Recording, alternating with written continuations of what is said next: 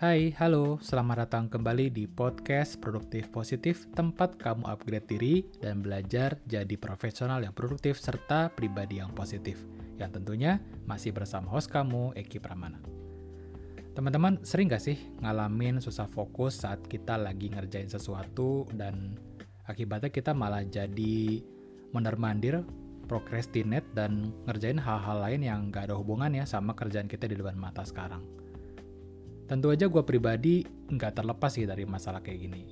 Kerjaan yang seharusnya bisa kelar cepet, jadi malah tertunda gara-gara gue nggak fokus dan nggak sengaja jadi buka Instagram, buka YouTube, dan udah deh nggak kerasa 1-2 jam udah lewat. Jatuhnya jadi lebih lama istirahat ketimbang kerjanya.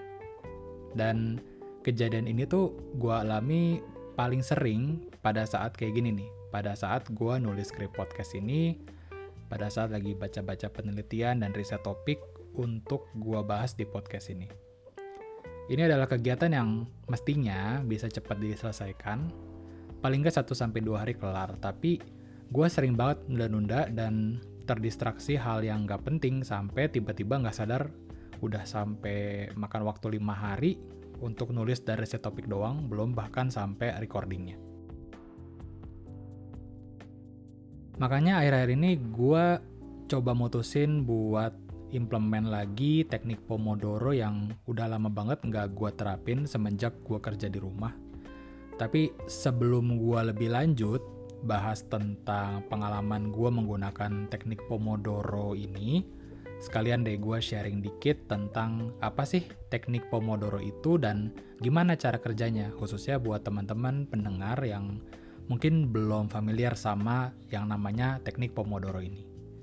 Jadi, teknik Pomodoro itu adalah teknik time blocking atau time management di mana kita mencoba untuk memecah satu kerjaan atau satu tugas ke dalam beberapa sesi kerja yang durasinya bisa sampai 25 menit yang diselingi oleh waktu istirahat 5 menit. Nama teknik ini sendiri dicetuskan oleh penciptanya yaitu Francesco Cirillo, seorang mahasiswa Italia di tahun 80-an yang kesulitan buat belajar dan fokus dan keep up sama tugas-tugas dan kegiatan dia di kampus. Ini relate banget ya sama kita semua. Nah, karena dia sulit banget buat fokus, makanya dia mencoba bikin komitmen sama diri sendiri buat fokus belajar selama 10 menit aja dan buat ngebantu dia nge-track komitmen ini, akhirnya dia pakai timer yang biasa digunain buat masak yang kebetulan bentuknya tuh kayak tomat yang dalam bahasa Itali adalah pomodoro. Nah, dari pengalamannya itu si Francesco akhirnya tercetus nih buat nulis buku tentang teknik pomodoro ini. Dengan berbagai trial error, akhirnya dia membakukan standar teknik pomodoro ini di mana kita diberi waktu 25 menit untuk fokus kerja yang ada di depan mata, dan kemudian kita jeda 5 menit istirahat. Dan setelah 4 sesi Pomodoro, kita bisa ambil break yang lebih panjang selama 15-30 menit. Dan terus diulang sampai tugasnya selesai.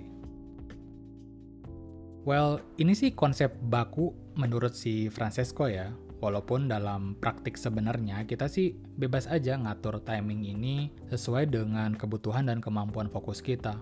Mau misalnya kerjanya 30 menit, istirahatnya 5 menit aja atau 10 menit, atau bahkan uh, fokusnya satu jam, terus istirahat 10 menit. Sebenarnya sih nggak ada aturan yang benar-benar saklek ya.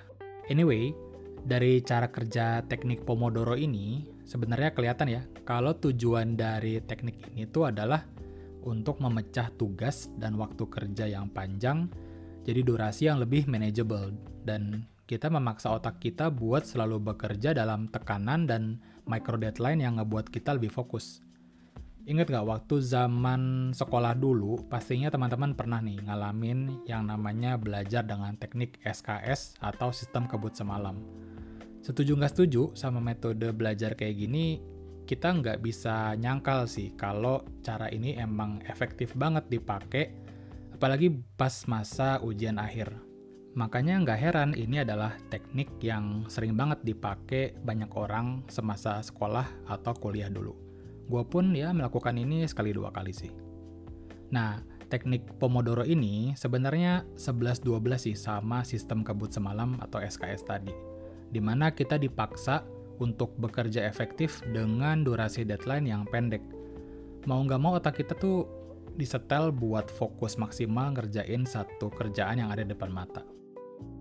Benefit lain dari teknik Pomodoro ini adalah selain bikin kerjaan kita jadi potongan-potongan yang lebih manageable, teknik ini bisa ngebantu kita ngelawan inersia atau rasa mager buat mulai sesuatu.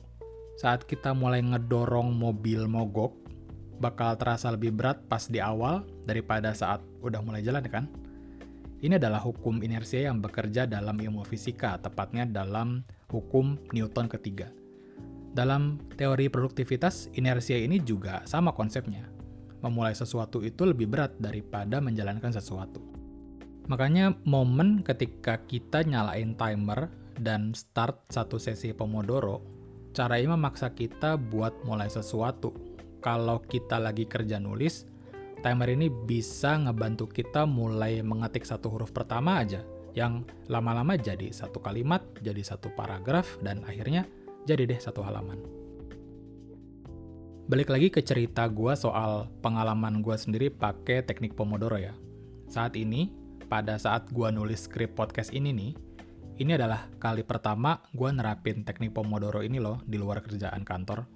Dan hasilnya yang biasanya gue nulis naskah bisa berhari-hari, kali ini cuma butuh 3 sesi Pomodoro. Ya nggak sampai 90 menit lah udah bisa kelar. Satu hal yang gue sadari selama beberapa minggu nerapin teknik Pomodoro ini di kerjaan kantor dan di kerjaan pribadi, ternyata nih ya, mayoritas kerjaan gue tuh sebenarnya nggak makan waktu yang lama.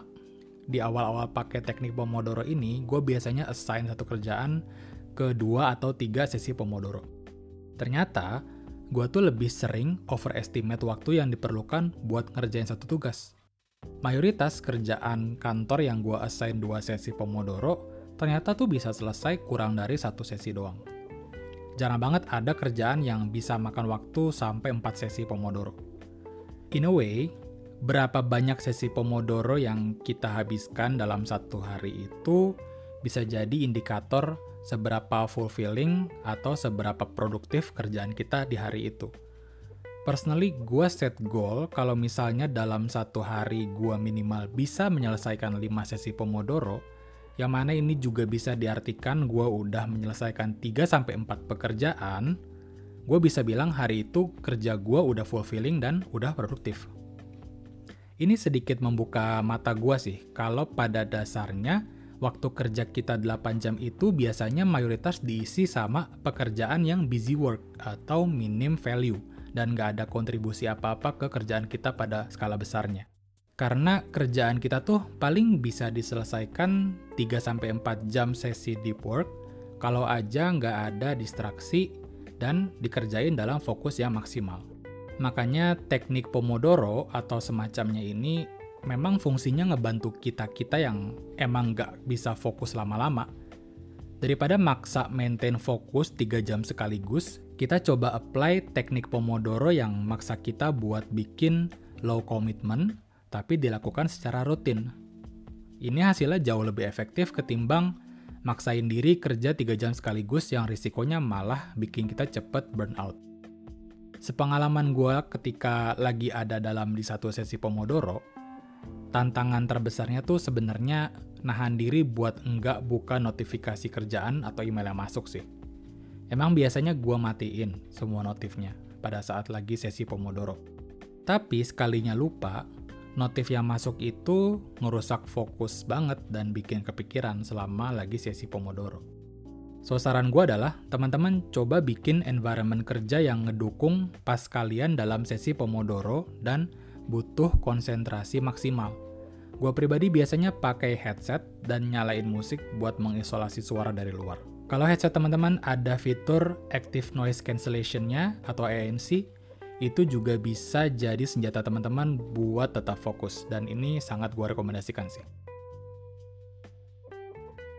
Satu hal yang jadi tantangan gue juga adalah ketika sesi istirahat 5 menit ini, gue biasanya malah pakai buat istirahat yang nggak berkualitas dan seringnya malah dipakai buat lihat layar juga ujung-ujungnya.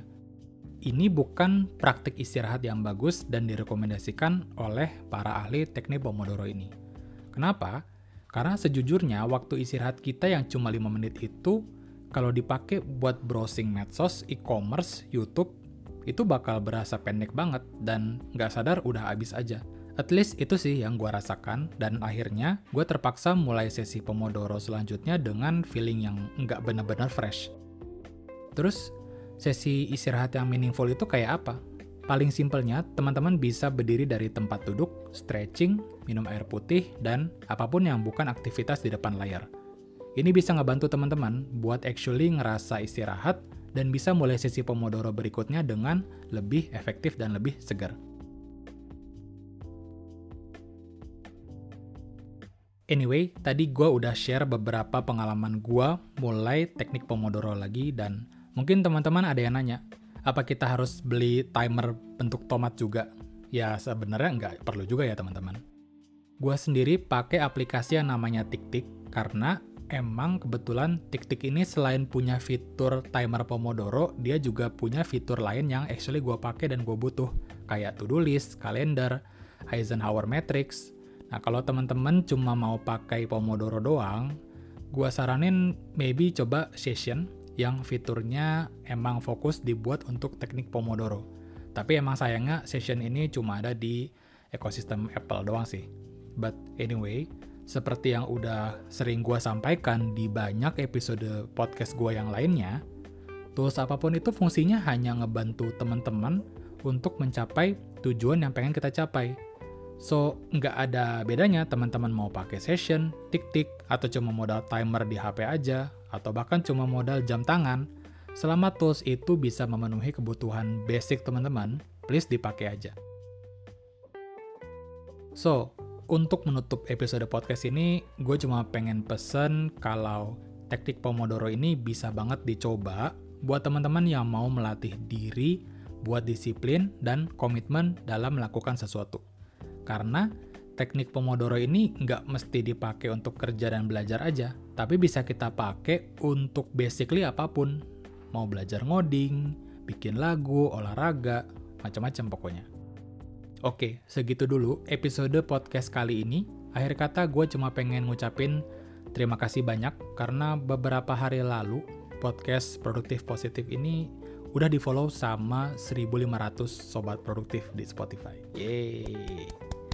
Jujur gue sih nggak nyangka sih dan ngerasa happy banget kalau semisal podcast gue ini bisa bermanfaat bukan cuma buat gue pribadi tapi bahkan ke 1500 orang dan hopefully bisa lebih banyak lagi yang denger podcast gue. So, sekali lagi, thank you semuanya ya.